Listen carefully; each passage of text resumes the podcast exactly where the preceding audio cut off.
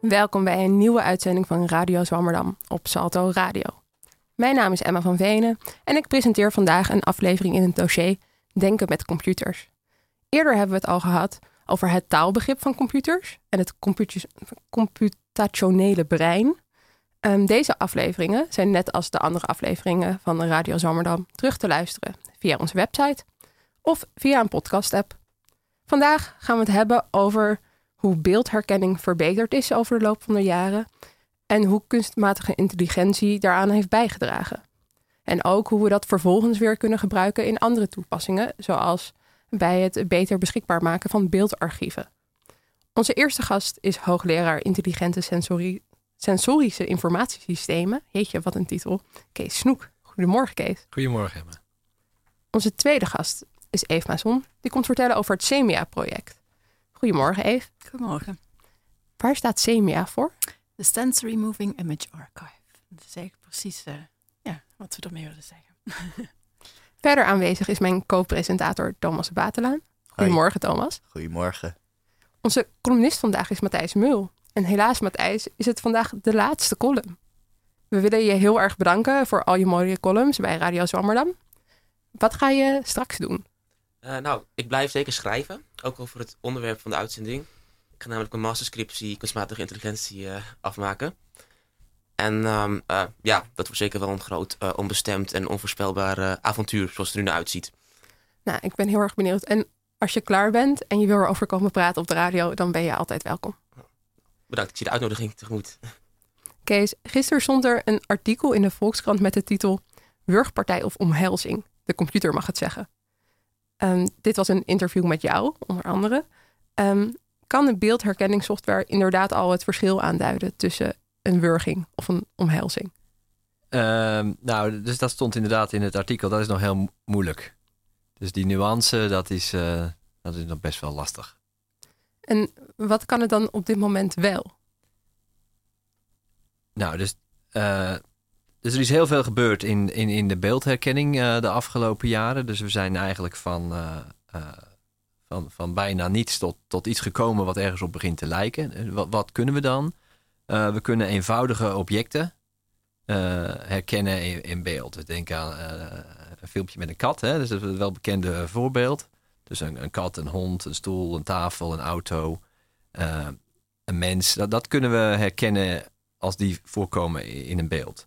Het wordt ingewikkelder als we willen uh, zien dat uh, een kat achter een hond aan zit. Of een kat springt, springt van, van de kachel. als we dat specifieker willen herkennen, dus eigenlijk gedragingen en acties, kunnen we helemaal nog niet. En meer dan zeg maar, één object kan het wel. Kan je wel een kat en een hond. En dan nog niet precies wat ze aan het doen zijn. Maar... Ja, dat, dat, dat kan uh, tot op zekere hoogte wel, ja.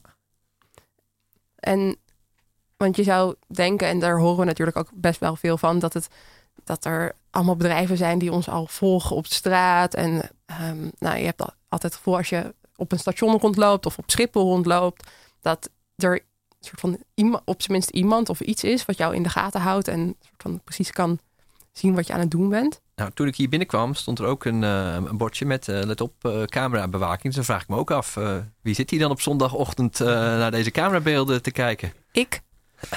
Ja, want ik, er hangt inderdaad bij Pakhuis de Zwijger hangt er een camera bij de zijdeur. Zodat ik vanuit de studio heb ik een linkje en dan kan ik kijken of er iemand voor de deur staat. Ja, en wie kijkt er dan nu? nou, waarschijnlijk niemand. Ja, dus, de, nou, dus dat gebeurt dus ook met al die camera's die je overal ziet. Daar kijken mensen ogen naar. Of ze kijken niet. Dus het is een soort van vals gevoel uh, uh, van veiligheid. Of een vals gevoel van privacy-inbreuk. Want uh, meeste wordt gewoon niet gezien. En het wordt vooral opgenomen om achteraf, als er iets gebeurt, handmatig door die videobeelden te, te struinen. Op zoek naar het moment waar er iets gebeurt.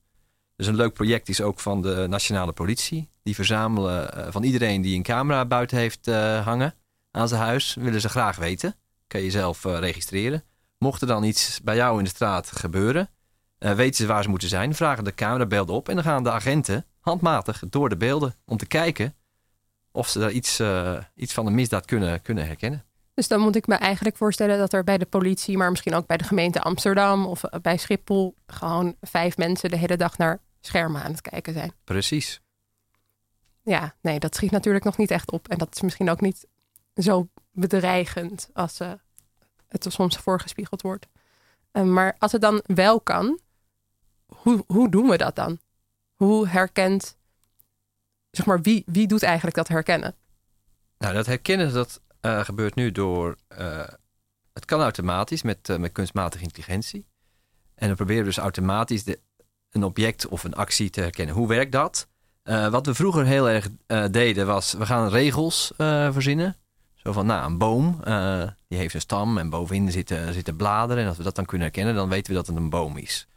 Nou, dan heb je een kerstboom. Ziet er dan weer net, net iets anders uit. Dan gaat je regel eh, de mist in. En dan kan je een treurwillig, helemaal geen takken.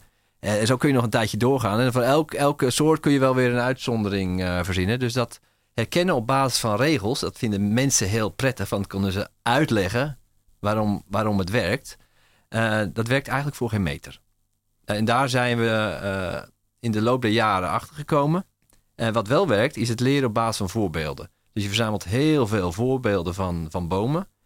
Die geef je aan de computer. En die leert dan zelf eh, de regels te distilleren. Of dus eigenlijk de patronen. Want er komen geen regels uit, maar er komen patronen uit. Dus die leert de patronen te herkennen. En dat bepaalt dan eh, wat, eh, wat een boom is. Dus eigenlijk programmeert het algoritme zichzelf. Op basis van de voorbeelden. Dus we stoppen er geen kennis in van de mens. Maar we stoppen er voorbeelden in. Dus voorbeeldplaatjes, voorbeeldfragmentjes, video. Maar dan begint het dus altijd met mensenwerk. Want er moet ooit iemand zijn die plaatjes van bomen Juist. gaat zoeken. Juist, dus het begint met mensenwerk. Dus daarom werkt het heel goed voor objecten die eh, stilstaan. Daar kun je heel makkelijk heel veel plaatjes voor eh, vinden. En dat vinden mensen ook nog wel prettig om die te labelen. Bijvoorbeeld op eh fotowebsites of op YouTube. Waar je zelf aan, of op Facebook, waarbij je zelf een label aan de foto hangt.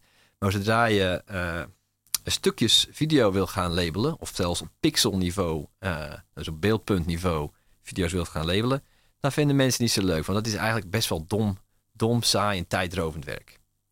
Maar ben je dan ook zelf begonnen met soort van in vakanties gewoon heel veel boom ergens bij typen?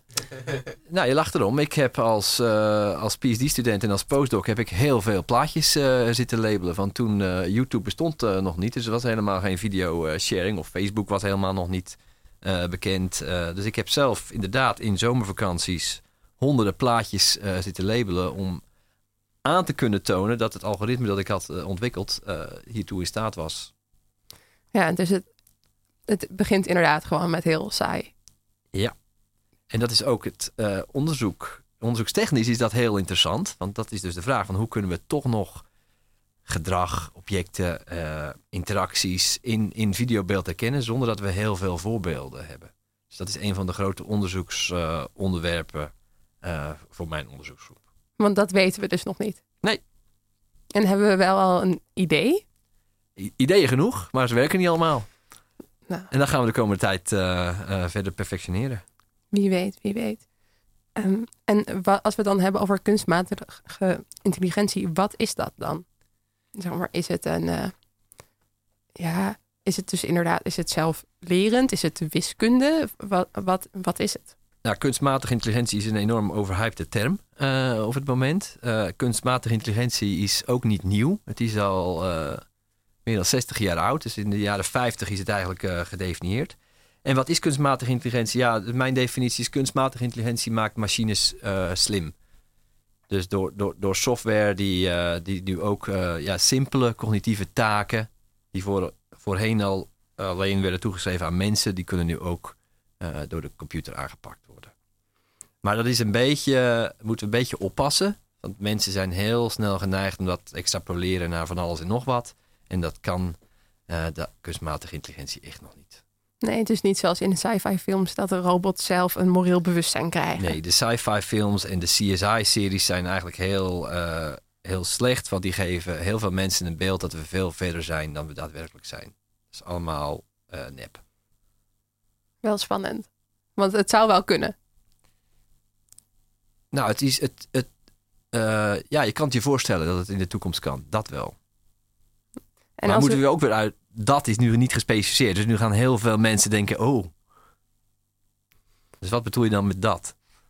Ja, ja. Nou, dat is dus inderdaad een interessante vraag. Want bijvoorbeeld zoals uh, in China heb je nu het social credit system. Uh, wat ook met uh, beeldherkenning werkt en dat koppelt aan mensen en ze punten geeft. En we zouden misschien kunnen zeggen dat dat niet een toepassing is van de technologie die we zouden willen. Dat is een leuk voorbeeld. dus massa surveillance is het businessmodel van het internet. Facebook is er groot mee geworden en Google. Um, dus dat, de, de discussie is van wie, van wie is de data? Right? Dus de Amerikanen denken dat het voor de tech-industrie is. Die zijn eigenaar van de data. En wij geven het gratis weg omdat ze een dienst uh, uh, verlenen. In, in China denk, is, het, is het mechanisme, nou, de data is van de overheid. Daar, daarom komen Google en Facebook er ook niet in. En in Europa zijn we, hebben wij een andere insteek. En wij zeggen, ja, de, data die is van ons. Ja. En, en die discussie die moeten we met z'n allen voeren. Van, van, van wie is de data en hoe, hoe, hoe gaan we daarmee om? Ik wil nog, ook nog even zeggen, China. China loopt voorop met uh, kunstmatige intelligentie. En die zetten het ook in, bijvoorbeeld in het uh, onderwijs.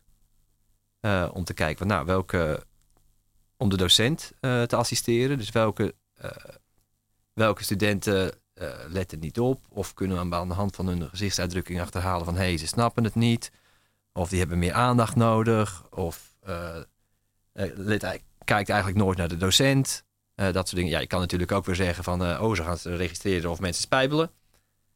puntje eraf in het social credit systeem. Ja, dat zijn allemaal voorbeelden van hoe het op een soort van misschien niet-ethische manier gebruikt kan worden. Of waar in ieder geval je vraagtekens bij kan zetten. Maar jullie ontwikkelen het omdat het waarschijnlijk ook positieve toepassingen heeft. Waar ontwikkelen jullie het zo al voor? Nou, wij, wij ontwikkelen niet voor een toepassing. We zijn, we zijn in principe wetenschappers. We willen ontwikkelen voor het weten. We willen iets begrijpen. Dus we gaan niet uit van, nou, we willen een hele leuke toepassing maken. Dus daarom gaan we, gaan we aan de slag. Uh, waar wordt de technologie nu heel veel gebruikt? Nou, uh, zelfrijdende auto's uh, kunnen niet uh, rijden zonder camera's die kijken.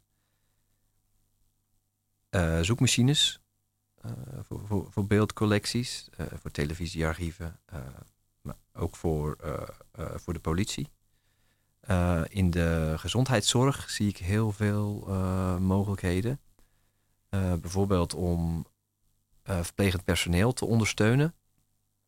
Ehm, ik ben zelf ook betrokken bij een start-up die eh, eh, in deze richting eh, iets wil betekenen. waar moet je dan aan denken? mensen, hebben, mensen drogen uit. Nee. Dus ze moeten voldoende drinken. Nou, dus verplegend personeel moet continu in de gaten houden van, nou, heeft meneer Jansen wel genoeg gedronken vandaag?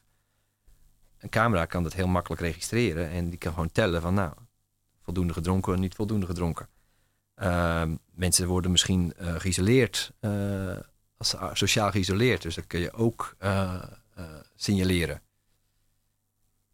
Um, je kan opstandig gedrag kan je registreren. Of mensen steeds hetzelfde rondje lopen in het verzorgingstehuis, kun je dat registreren als een beginnend teken van dementie. Waardoor je sneller zorg kan verlenen. En de zorgverlening staat onder druk, is on onbetaalbaar verpleegkundig personeel klaagt heel veel. Dat ze eigenlijk te weinig toekomen aan het contact met de patiënt. En op deze manier kan je het verpleegpersoneel dus sturen daar waar de zorg het meest acuut uh, nodig is. Dus dat vind ik zelf een heel, heel, heel prettig, hele prettige applicatie van, van, van videosurveillance. Kan je natuurlijk nog steeds zeggen, ja, ik, ik wil dat niet, dat mijn, mijn vader en moeder worden, in de gaten worden gehouden met camera's. Maar ze worden nu ook in de gaten gehouden door verplegend personeel. Ja, je zou bijna zelfs kunnen zeggen dat het misschien helpt als het niet door een mens dus bekeken wordt, maar dat een, een, een soort van anoniem.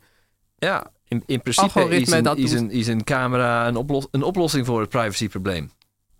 Als je weet van wie de data is, ja, natuurlijk. Dat precies. is dan de achterliggende precies. voorwaarde. Ja.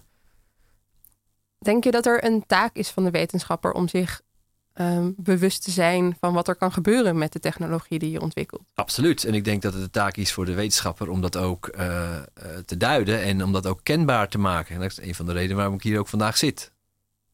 Kijk, dus om, om, om de maatschappij te vertellen, jongens, let op, dit, dit, dit komt eraan, daar moeten we met z'n allen over nadenken. Nee, want we zouden niet zeggen, nou, doe maar niet. Zeg maar, ontwikkel het maar niet, want misschien kunnen we er wel nare dingen mee doen. Nou, elke technologie eh, van waarde, die kan je ten goede en ten kwade gebruiken. Nou, dus het- we, we hebben een technologie van waarde hier. Daar hebben we hiermee te maken. Ja, moet- het is misschien wel de richting waar ook de meeste start-ups uit voortkomen op dit moment. Eh, AI in het algemeen Ja. of, of, beeldherkenning bedoel je dan? Hm, Eh, AI in het algemeen. Ja, nee, dat is inderdaad een heel eh, een hot topic. En daar valt heel veel te halen. En eh, Als mensen het toch ontwikkelen, dan kunnen we het beter zelf doen. En dan ook als wetenschapper de kanttekeningen erbij vertellen. Ja, en, en kijk, dus als, nieuwe technologie zich aandient, dan loopt de maatschappij die hoppelt er altijd achteraan. Dus toen eh, de paard en wagen op een gegeven moment vervangen werden door de auto, eh, moest er allerlei nieuwe regulering eh, bedacht worden. Dus in Engeland hadden ze op een gegeven moment de Locomotive Act. Dus elke, voor elke auto moest iemand lopen met een rode vlag. Zodat iedereen wist van er komt nu een auto aan. Ja, dat, dat, dat klinkt nu heel gek, maar er waren maar een stuk of tien auto's per stad. Want de rest van de mensen kon het niet betalen. Dus het was niet eens zo'n gek idee. Maar het schaalt natuurlijk niet. En eh, nou, er was ook grote paniek van hoe moet het nou met de hoefsmid? Hè? Als, de, als, als de paard en wagen straks eh, niet meer bestaat. eh, hoe gaat het met onze banen? Nou, er was eigenlijk geen probleem, want toen kwam de garage. En er werd eigenlijk heel veel, heel veel werk kwam er voor eh, in de plek. Ja, zeker.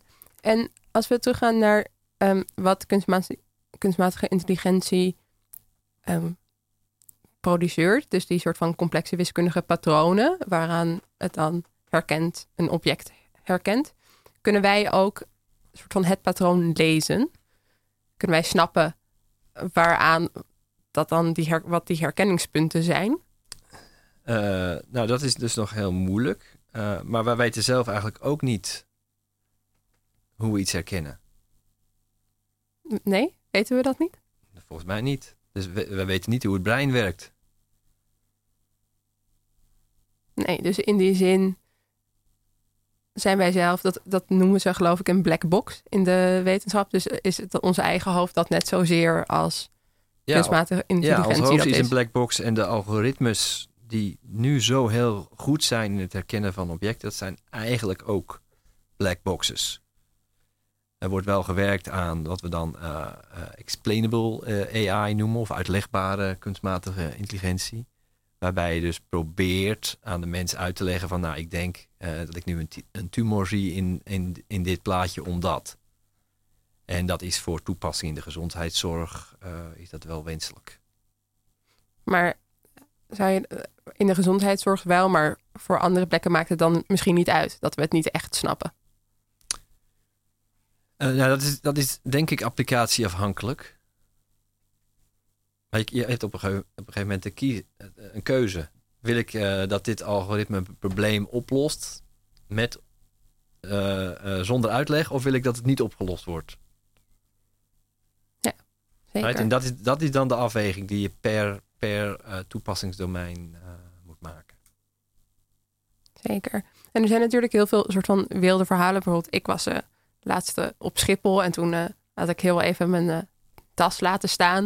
Ik moest even naar een balie en binnen twee minuten waren er twee beveiligingsmannen die soort van er omheen stonden en soort van keken al bij wie hoort het. Dus toen nou, kwam ik zelf weer aan op zei, hoi, dat hoort bij mij. Zeiden ze, oké, nou ja, moet je niet meer doen. Oké. En toen dacht ik dus meteen, oh ja, er, zit, er is hier ergens een camera met een soort van dat herkent als een tas alleen is. En dan wordt er iemand opgepiept om even te gaan kijken. Werkt dat al zo op Schiphol? Nee.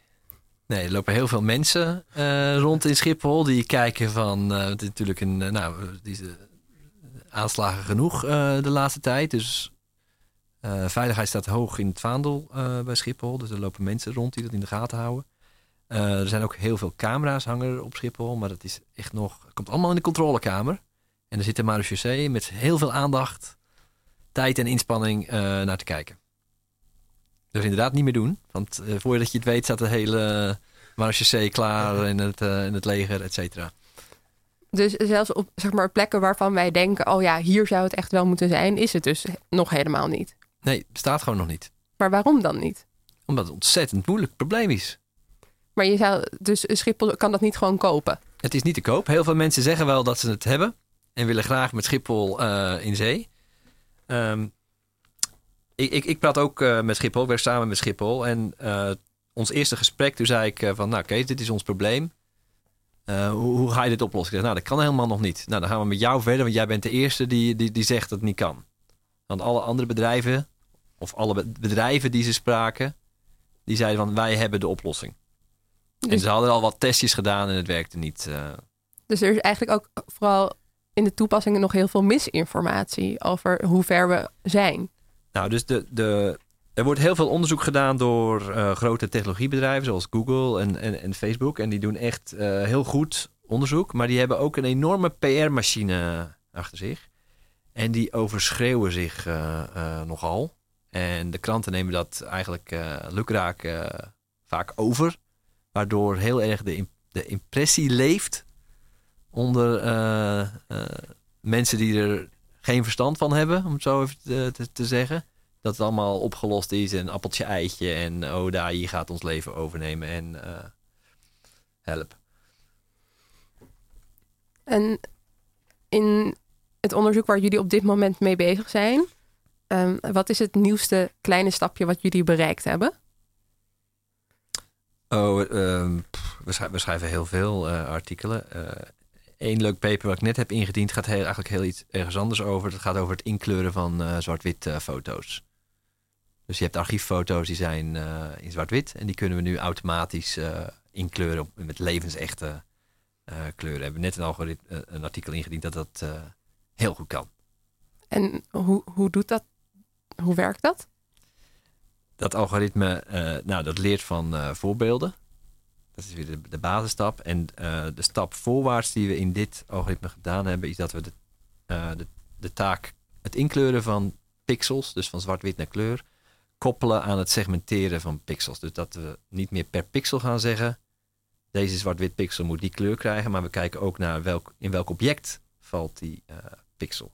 Dus, als, dus we segmenteren het beeld in het object, eh, in het object en we kleuren een, dus ook met die semantische informatie kleuren we het object. Dus we nemen ook de semantiek mee in de beslissing. Dus als, het, als we weten van nou, dit is een koe, dan bepaalt dat ook eh, het kleurenpalet.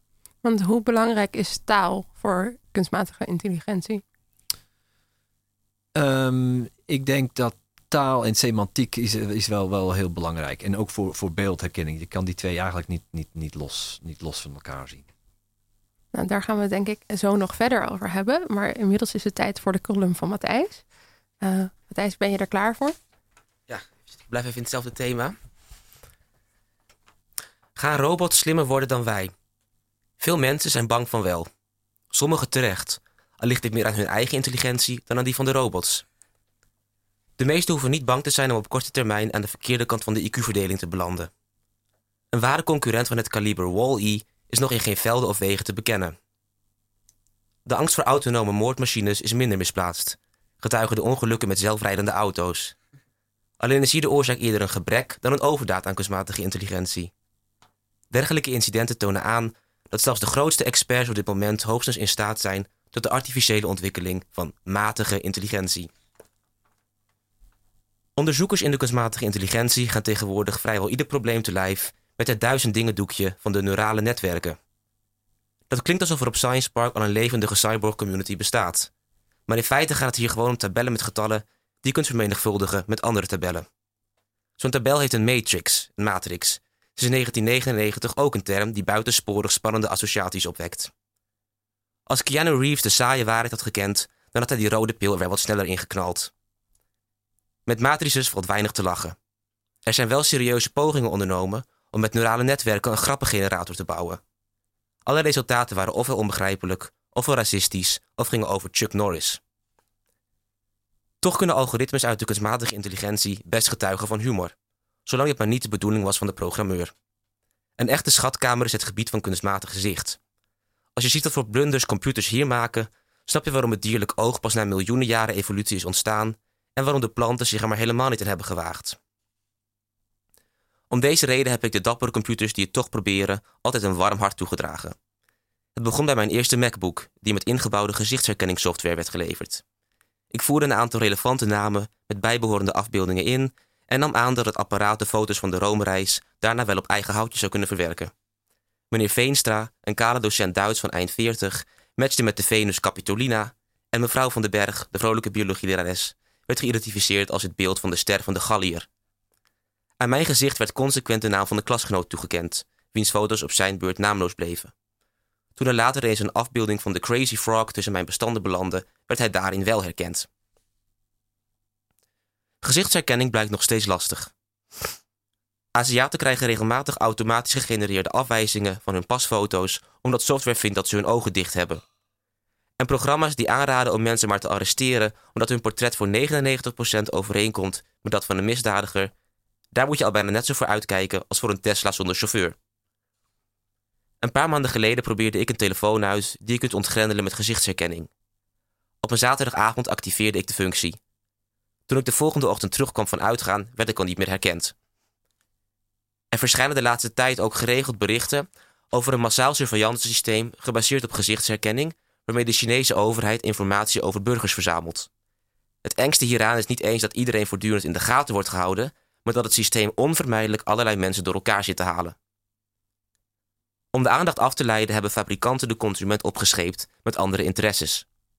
Ging het vroeger vooral om het herkennen van gezichten, tegenwoordig ligt de nadruk juist op het zo onherkenbaar mogelijk maken van je eigen gelaat met behulp van synthetische toevoegingen zoals regenboogkots, vliegende pizza's of een glimlach. Ook plaatsen mensen op sociale media steeds meer portretten van zichzelf met dierlijke kenmerken. Denk aan konijnenoren en hondentongen, vergezeld van een onderschrift dat uit louter icoontjes bestaat. Zo bewegen we geleidelijk terug naar de beeldtaal van het oude Egypte. Filters waardoor je hoofd de vorm krijgt van een aardbei maken gezichtsherkenning er niet makkelijker op. Maar niet alleen hoofden zijn lastig uit elkaar te houden. Ook het verschil tussen handtasjes en hakbijlen schijnt er bij de bestaande algoritmes maar moeilijk in te gaan. En voordat een neuraal netwerk met redelijke zekerheid kan beslissen of iets een hond is, moet het minstens duizenden exemplaren hebben gezien. Zelfs daarna worden nog aan de lopende band Hongaarse herdershonden aangezien voor dweilen en chihuahuas voor muffins. Spraakherkenning is al net zo'n doos van Pandora. Vorig jaar bracht Amazon Alexa op de markt, een apparaat dat gesproken commando's uitvoert. Toen een Amerikaanse presentator op tv eens zei: Alexa, buy a dollhouse, werden in de hele VS massaal poppenhuizen besteld door Alexa's die te dicht bij de tv stonden. Zoals dat nu vast ook zal gebeuren met Alexa's die te dicht bij de radio staan. En als ik tegen Google Assistant op mijn telefoon zeg: open Tinder, dan volgt er stevast een noodoproep.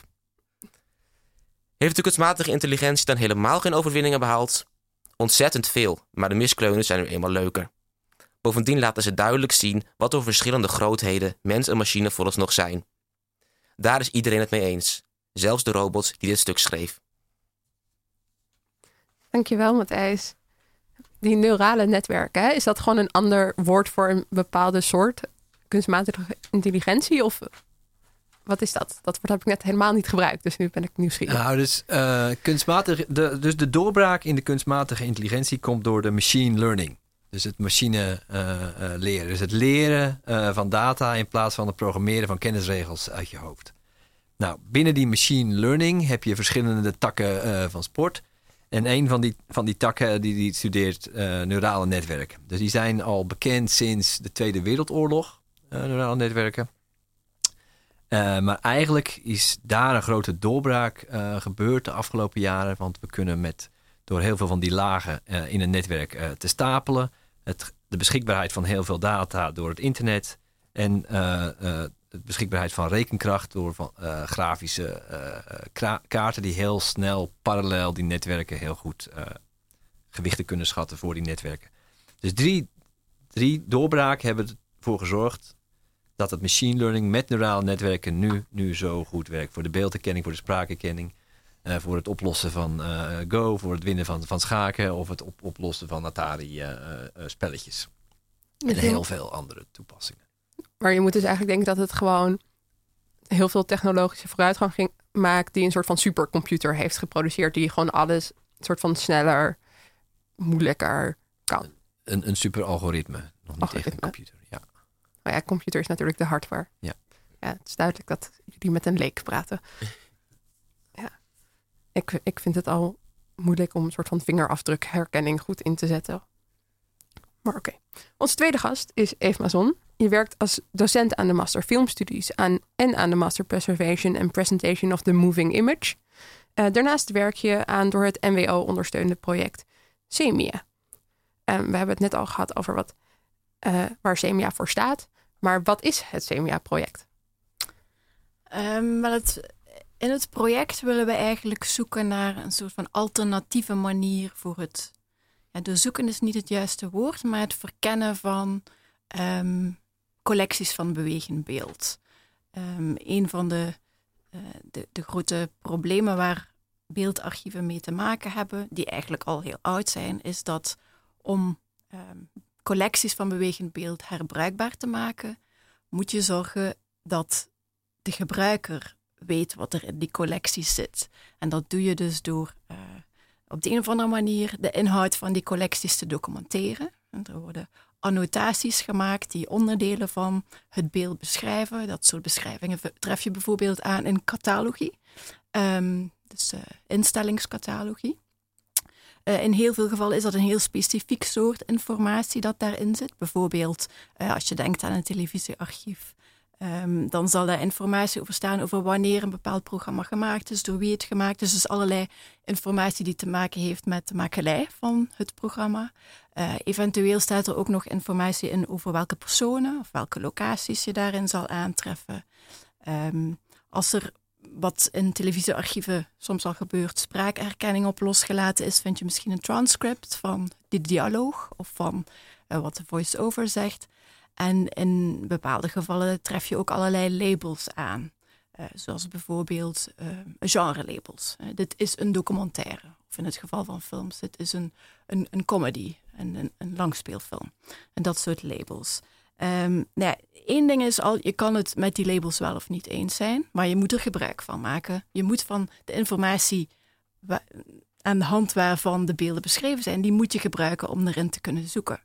Maar er is natuurlijk ook allerlei informatie die niet beschreven is. Ten eerste, het beschrijven kost heel veel tijd um, en kost dus geld. Vandaar ook dat het heel handig is als je bijvoorbeeld spraakherkenning kan loslaten, want dan kan je in principe heel veel informatie genereren op basis waarvan de gebruiker kan zoeken. Maar het dekt niet alles af. En dat is met name van belang voor collecties die om andere redenen gewaardeerd worden dan die, dat informatieve gehalte, zeg maar. Wie het gemaakt heeft, wie erin zit. Want met welke collecties werken jullie samen? Wel, wij werken onder andere met televisiecollecties, maar bijvoorbeeld ook uh, de, collectie van uh, het Nederlands Instituut voor Beeld en Geluid, maar ook met een filmcollectie. En filmcollecties, maar bijvoorbeeld ook mediakunstcollecties, die worden bijvoorbeeld ook gewaardeerd om hoe de films eruit zien. Wat voor kleur ze hebben, wat voor textuur het beeld heeft. Dat is met name in mediakunstcollecties heel belangrijk. Soms gaat het alleen om hoe het eruit ziet en niet zozeer om wie erin meespeelt of wat er gezegd wordt. Maar dat zijn nu net de dingen die helemaal niet gedocumenteerd zijn in die catalogie.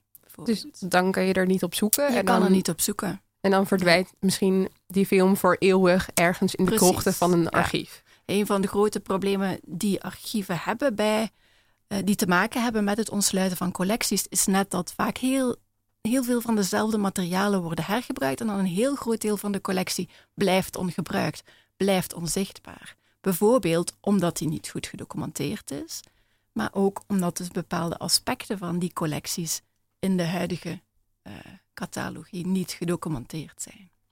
En hoe ziet jullie experiment er dan uit? Nou ja, in, in, in, eigenlijk gaan we dus uit van de aanname dat dat beperkend kan werken. En gaan we kijken wat kunnen we nu eigenlijk doen omdat. Of, of wat zou er gebeuren als we dus de bestaande annotaties eventjes opzij laten liggen. En in plaats daarvan gaan we beeldanalyse inzetten om net op basis van die visuele kenmerken van die bewegende beelden door collecties heen te kunnen browsen, zeg maar. Want een andere beperking van catalogie, zou je ook kunnen zeggen, is dat je moet zoeken. En als je zoekt, dan moet je weten wat je zoekt.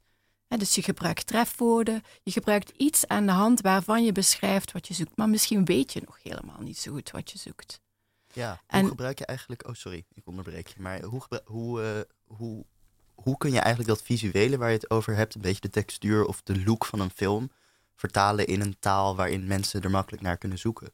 Ja, dus wat, wat wij nu eigenlijk proberen is te zien hoe het gaat als je misschien niet eens van taal gebruik hoeft te maken. Strikt genomen zou je ook kunnen zeggen tegen een computer: doe mij eens een suggestie voor een beginbeeld.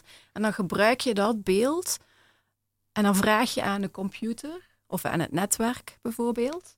Um, doe eens een suggestie van welke beelden hier heel erg op lijken. En dan in het geval dat je een neuraal netwerk gebruikt, en Kees heeft dat net uitgelegd wat het is of hoe het werkt, dan ga je beelden analyseren in heel veel verschillende dimensies. Dus dan komt er een suggestie terug waarvan je als gebruiker niet eens weet waarom is deze suggestie gedaan, maar ik zie inderdaad wel gelijkenissen.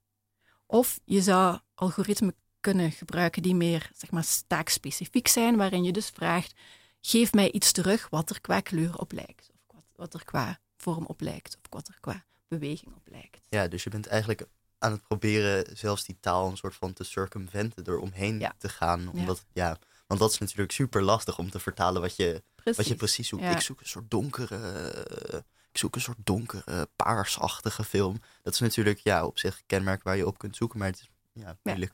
Nee, heel slim. Nee, precies. Dus eigenlijk ga, is het dan niet alleen de taal die je probeert te omzeilen, maar ook de interpretatie. Ik had het net over genre-labels. Het zou kunnen dat je het niet eens bent met het label dat aan een film gehecht is. En daardoor vind je de film niet. Als je op de een of andere manier probeert die interpretatie te omzeilen, dan kan je misschien ook weer verrassende dingen tegenkomen. Dus dat is ook weer een voordeel. En jullie hoeven, moeten jullie dan ook, zoals Kees al eerder beschreef, al die films gaan bekijken en dan zeg maar gaan zeggen: dit bedoelen we met blauw? Of een soort van hoeft dat niet? Dat doen we dus bewust niet. Um, we, het is natuurlijk ook voor een deel een gedachte-experiment. Het is een relatief klein project. We proberen iets en we kijken wat levert het op aan de mensen die die collecties willen hergebruiken. En dan heb ik het over een heel breed scala, ook nog aan mensen, niet alleen bijvoorbeeld kunstenaars die een nieuwe film willen maken, maar ook bijvoorbeeld onderzoekers. Uh, die, die, die bijvoorbeeld visuele verbanden geïnteresseerd zouden kunnen zijn. Um, nu ben ik je vraag kwijt. Misschien uh, moet je me nog zeggen. Oh ja, of jullie ook moeten labelen. Oh ja, uh, nou ja, dat, dat proberen wij zo weinig mogelijk te doen. Um, Juist omdat we willen kijken wat bieden. Eigenlijk waren we er aan het begin van het project van uitgegaan dat we volledig met machine learning zouden werken. Dus dat we zeg maar het, het maken van matches volledig aan de computer zouden kunnen overlaten. Maar dan hebben jullie het labelen dus ook. Uh, ja, ja dus het labelen uh, hebben we gedelegeerd aan de mensen die ooit en masse plaatjes gelabeld hebben op internet bijvoorbeeld. En op basis waarvan het netwerk zichzelf aangeleerd heeft hoe het bepaalde matches moet maken. Ja. Dus dat hebben we volledig aan anderen overgelaten. Uiteindelijk levert dat toch wel problemen op. Nou ja, eerst en vooral is het natuurlijk niet helemaal waar dat je niet interpreteert als je het aan de computer overlaat. Want een van de dingen die Kees straks heeft uitgelegd, is dat bijvoorbeeld die neurale netwerken, dat die uiteindelijk toch tot doel hebben om iets zo precies mogelijk te herkennen. Dus er is een idee van iets is een juiste identificatie. Het is een poes, het is geen hond. Het is een auto, het is geen persoon. Um, dus eigenlijk, dat is toch weer een poging tot interpretatie van wat is het ding? Of idealiter, wat doet het ding? En dat kunnen we nog niet, maar dat is wel het ideaal. Dus dat is de manier waarop veel van die technologieën, of het doel waarmee veel van die technologieën ontworpen zijn. Dus dat clasht eigenlijk met wat wij wilden doen. Sowieso omdat we louter eigenlijk vrij abstracte visuele kenmerken geïnteresseerd zijn. En een tweede ding was ook, als je je gebruiker wil toelaten om toch bepaalde keuzes te maken, bijvoorbeeld te zeggen, ja, eigenlijk is die gele kleur die mij interesseert, laat mij iets zien wat erop lijkt, omdat het ook geel is, of omdat het die soort geel is, dan, dan is het heel lastig werken met neurale netwerken, omdat je niet goed weet waarom een bepaalde match gemaakt is. Dus je kan die verschillende beeldkenmerken niet goed uit elkaar trekken. Dus dat betekent dat je toch weer moet werken met ehm, taakgerichte uh, algoritme. En nou ja, daar is natuurlijk ook weer een lepeling gebeurd. Ja, dus in die zin zijn jullie er eigenlijk achter gekomen dat, dat, dat het misschien te, te precies is voor jullie doel. Ja, maar tegelijkertijd vinden we dat ook helemaal niet erg. Dus we laten ook, ook met graagte over aan enerzijds de netwerken en anderzijds alle mensen die dat label gedaan hebben, om tot iets te komen wat ons inspiratie kan bieden als gebruiker. Want daar gaat het uiteindelijk om. Dat is een ander doel. Hè? Dus het is dus echt van, ik heb een hele grote collectie, wat zit erin? Dus ik ben niet geïnteresseerd in, in, in de hond of de, of de kat of de auto. Ik wil wel gewoon weten, wat zit er in deze collectie? Uh, en ook daar kunnen neurale netwerken wel helpen. Van dan wil je dus uh, slim visualiseren van wat, wat, zit erin. En een, en een gebruiker de mogelijkheid bieden om, om, om slim te exploreren. Uh, door uh, ja. clusters in je data te vinden en, en op die manier ook de, de ervaring te, te verrijken. En daar kan ook weer die semantiek die er dan wel uit is gehaald, die kan daarbij helpen om, om ja. de gebruiker te sturen naar inter mogelijk interessante clusters. Maar eigenlijk wat we dus, of wat onze collega's bij Informatica net proberen, is om net zeg maar um, op een niveau te gaan analyseren dat net onder dat semantische niveau zit. Dus eigenlijk gaan we een beetje tegen de state of the art in met wat wij doen. En we willen net niet dat we twee, twee poezen krijgen als we vragen om een match te geven. We willen een poes en iets wat er heel erg op lijkt, maar wat frappant is, omdat het er zo op lijkt. En in, in, in, in, die impuls zijn we voor een deel ook al geïnspireerd door een van onze gebruikersgroepen in het project, namelijk mediakunstenaars. Want dat is natuurlijk iets wat mediakunstenaars heel vaak doen. Ze gebruiken tools of, of technologieën die ze dan gaan tweaken, zodat ze net iets anders gaan doen dan datgene waarvoor ze bedoeld zijn. Er is bijvoorbeeld een uh, vrij bekende Nederlandse mediakunstenaar, Geert Mul, uh, die ook in zijn werk gebruik maakt van beeldanalyse, die bijvoorbeeld ook matches maakt en dan iets doet met de confrontatie van twee beelden. Maar die wil net niet dat het beelden zijn die precies hetzelfde laten zien. Het gaat erom dat het een soort van foute match is. Want dat is hetgeen wat dan een esthetische ervaring kan opleveren of um, nou ja, wat, wat mensen tot denken aan kan zetten. En wij hopen dat hetzelfde bijvoorbeeld ook kan voor onderzoekers. Dus dan is eigenlijk de imperfectie, of dat het, dat het nog niet lukt, is eigenlijk juist wat er zo nuttig aan is. Voor ons wel, ja. En we proberen dat echt zelfs te triggeren. Dus dat we niet die perfecte matches krijgen. En zit daar dan nog een verschil in tussen een soort van analoge beelden en digitale beelden? Ja, zeker. En dat zijn ook, kijk, in, in het verleden um, werd er uh, bij het ontwikkelen van uh, dit soort tools specifiek voor gebruik op uh, archiefmateriaal, werd er heel vaak rekening gehouden met het feit dat archiefmateriaal er anders uitziet dan moderne beelden zoals we die nu kennen. Als je heel grote collecties hebt waarin je eigenlijk ook verbanden wil kunnen zien tussen film uit de jaren 20 en een televisiebeeld uit de jaren 70 of een hedendaags beeld dat je van internet geplukt hebt, dan kan je daar eigenlijk geen rekening mee houden. Dus ook in die zin doen wij toch echt iets anders dan wat in de afgelopen tijd is gegaan. Waarbij je uh, je tools zoveel mogelijk probeert af te stemmen op de specifieke kwaliteiten van die beelden waar je mee te maken krijgt. En kan dat zomaar? Zeg maar, herkent, kan het algoritme zomaar omgaan met die verschillende in kwaliteit? Uh, het kan, maar dan gaat het bijvoorbeeld ook, uh, of dan kan je bijvoorbeeld verwachten dat iets wat eigenlijk um, in het beeld gekomen is omdat een film daar 80 jaar in de kluis gelegen heeft en vergaan is, de, het systeem zou kunnen suggereren dat de vormen die dat opgeleverd heeft, gelijkt op vormen in een hedendaags beeld die eigenlijk een fotografische weergave zijn van iets in de werkelijkheid dan krijg je dus een match tussen zaken die eigenlijk niet allebei fotografisch zijn. Het ene is een, chemisch, ja, een chemische reactie en het andere is, is een, een uh, weergave van iets uit de werkelijkheid. Maar ook dat kan interessant zijn, met name voor een kunstenaar bijvoorbeeld. Die zou daar iets mee kunnen doen in een nieuw werk. Ja, ja ik heb ook een vraag. Je zegt van uh, jullie zijn geïnteresseerd in de momenten waarop algoritmes dus uh, fout maken. Dus wanneer ze iets misclassificeren of iets doen wat niet helemaal klopt. En dat is eigenlijk ook een onderdeel van een traditionele error-analyse van een algoritme. En ook in de wetenschap gebeurt dat gewoon met mensen die op een andere manier met die algoritmes hm. bezig zijn. Ja. Dus ik me af of jullie dat soort informatie ook terugkoppelen naar degene die op een meer technisch niveau met die algoritmes bezig zijn. Want dat kan ook voor hen heel nuttig zijn. Nee, we werken natuurlijk ook heel nauw samen. Ehm, in ons project zit ook een postdoc op het gebied van uh, computer vision.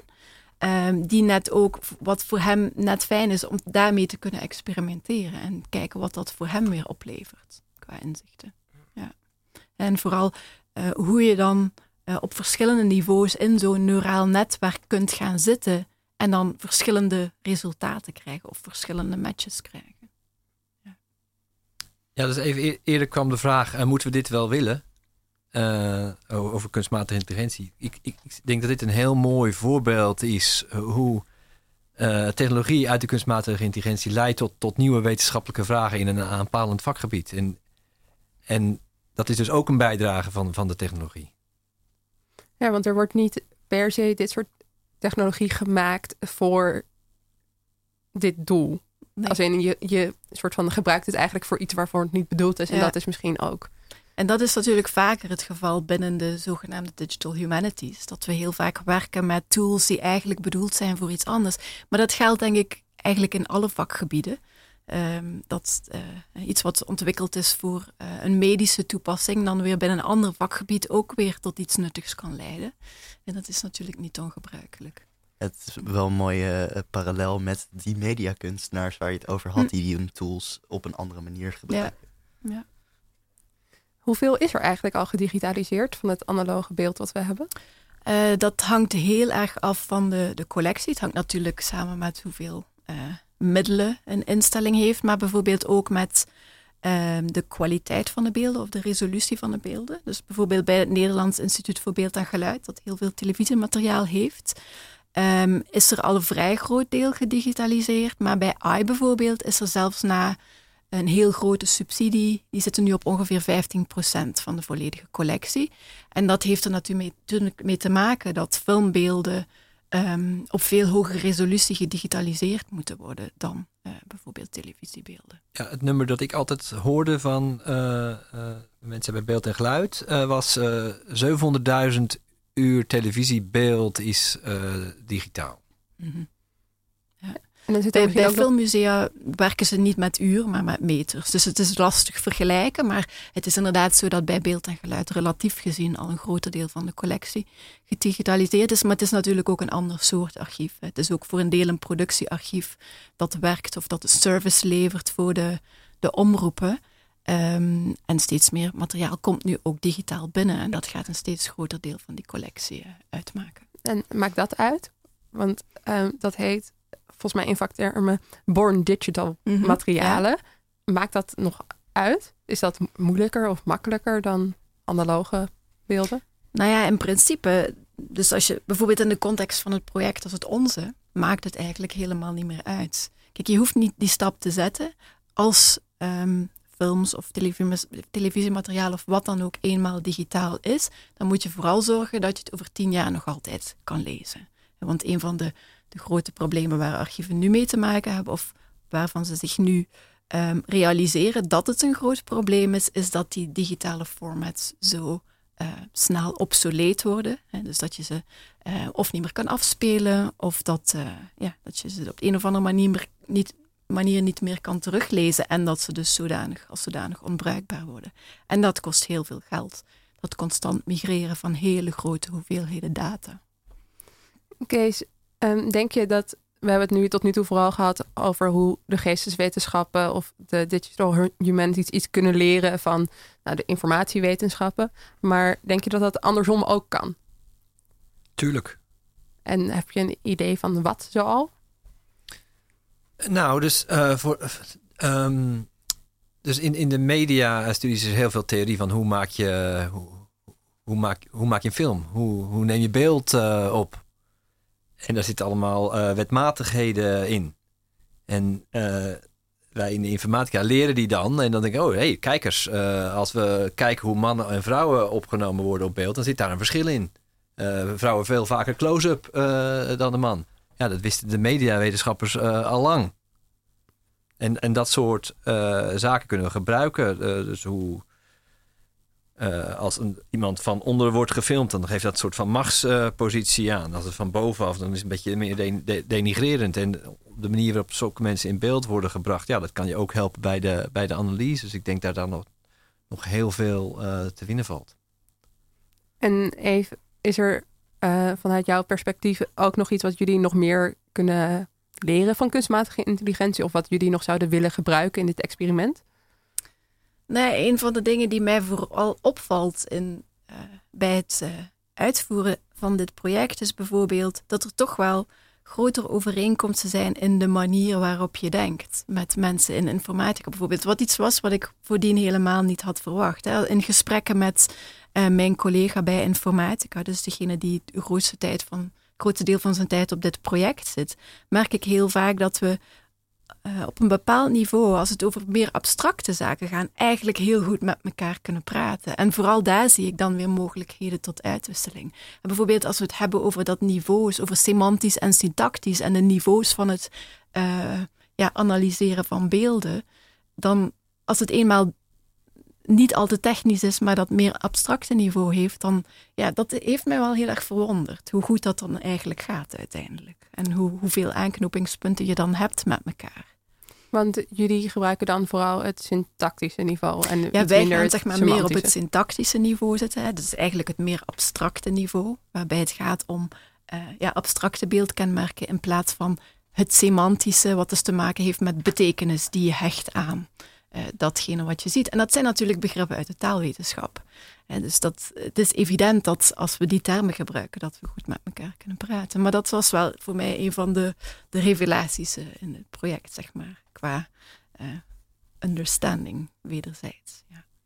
ja, ik vind het altijd heel erg fijn om te zien dat iets wat mensen soms ervaren als zo verschillende vakgebieden toch mm. eigenlijk best wel goed samen kunnen werken op zijn minst. En ook nog wel veel overeenkomsten hebben. En ik bedacht me net zelf een best wel grappige. In, namelijk in het Volkskrant artikel um, stond dat er onderzoek is gedaan naar het manipuleren van beeld. Dus juist omdat die algoritmes ja, patronen herkennen, maakt hele kleine veranderingen het beeld die wij niet kunnen zien met het menselijk oog, kunnen al een verandering opleveren van wat het algoritme ziet als iets. En ze gebruikten daar een voorbeeld van een schildpad die werd herkend als een geweer, geloof ik. Kees, zou je dat nog kunnen uitleggen wat daar precies gebeurde?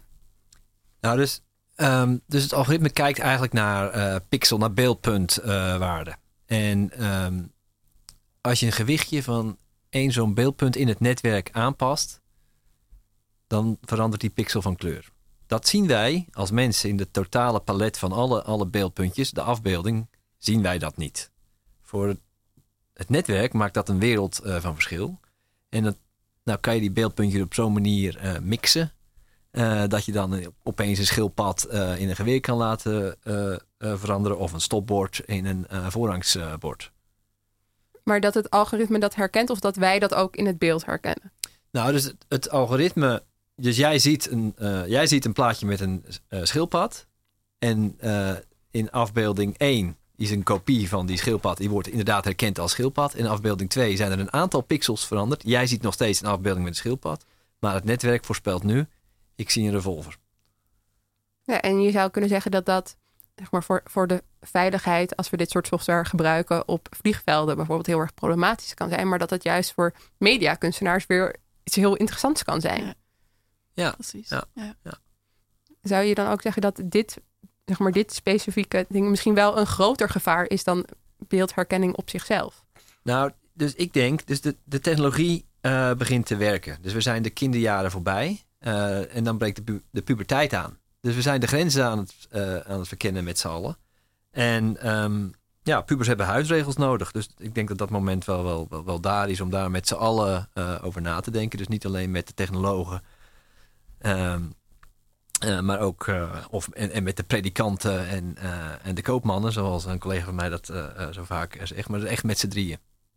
Dus met z'n allen moeten we, moeten we daarover nadenken. Het moment is wel daar. Ja, dit was het weer voor vandaag. We hebben het gehad over de rol van kunstmatige intelligentie bij beeldherkenning en het beschikbaar maken van beeldarchieven. Aan tafel zaten Kees Snoek en Eve Mason. Dankjewel voor jullie aanwezigheid en succes met jullie verdere onderzoek.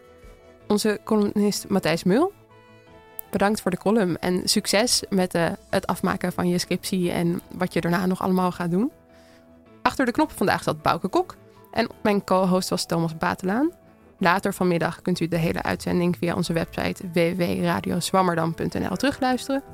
Of via onze podcast op iTunes, Soundcloud, Stitcher of waar je verder je podcast luistert. Like ons op Facebook, volg ons op Twitter. Wil je reageren op deze uitzending, dan vinden wij dat heel erg leuk. Kan je een mailtje sturen naar redactie.radioswammerdam.nl. Volgende week presenteert Afke Kok een uitzending over kunstmatige biologie. De gast zullen zijn Jaap Kaandorp en Pieter Rijn Wolde. Mijn naam is Emma van Venen. U luisterde naar Radio Zwammerdam en we wensen u voor nu nog een hele fijne zondag.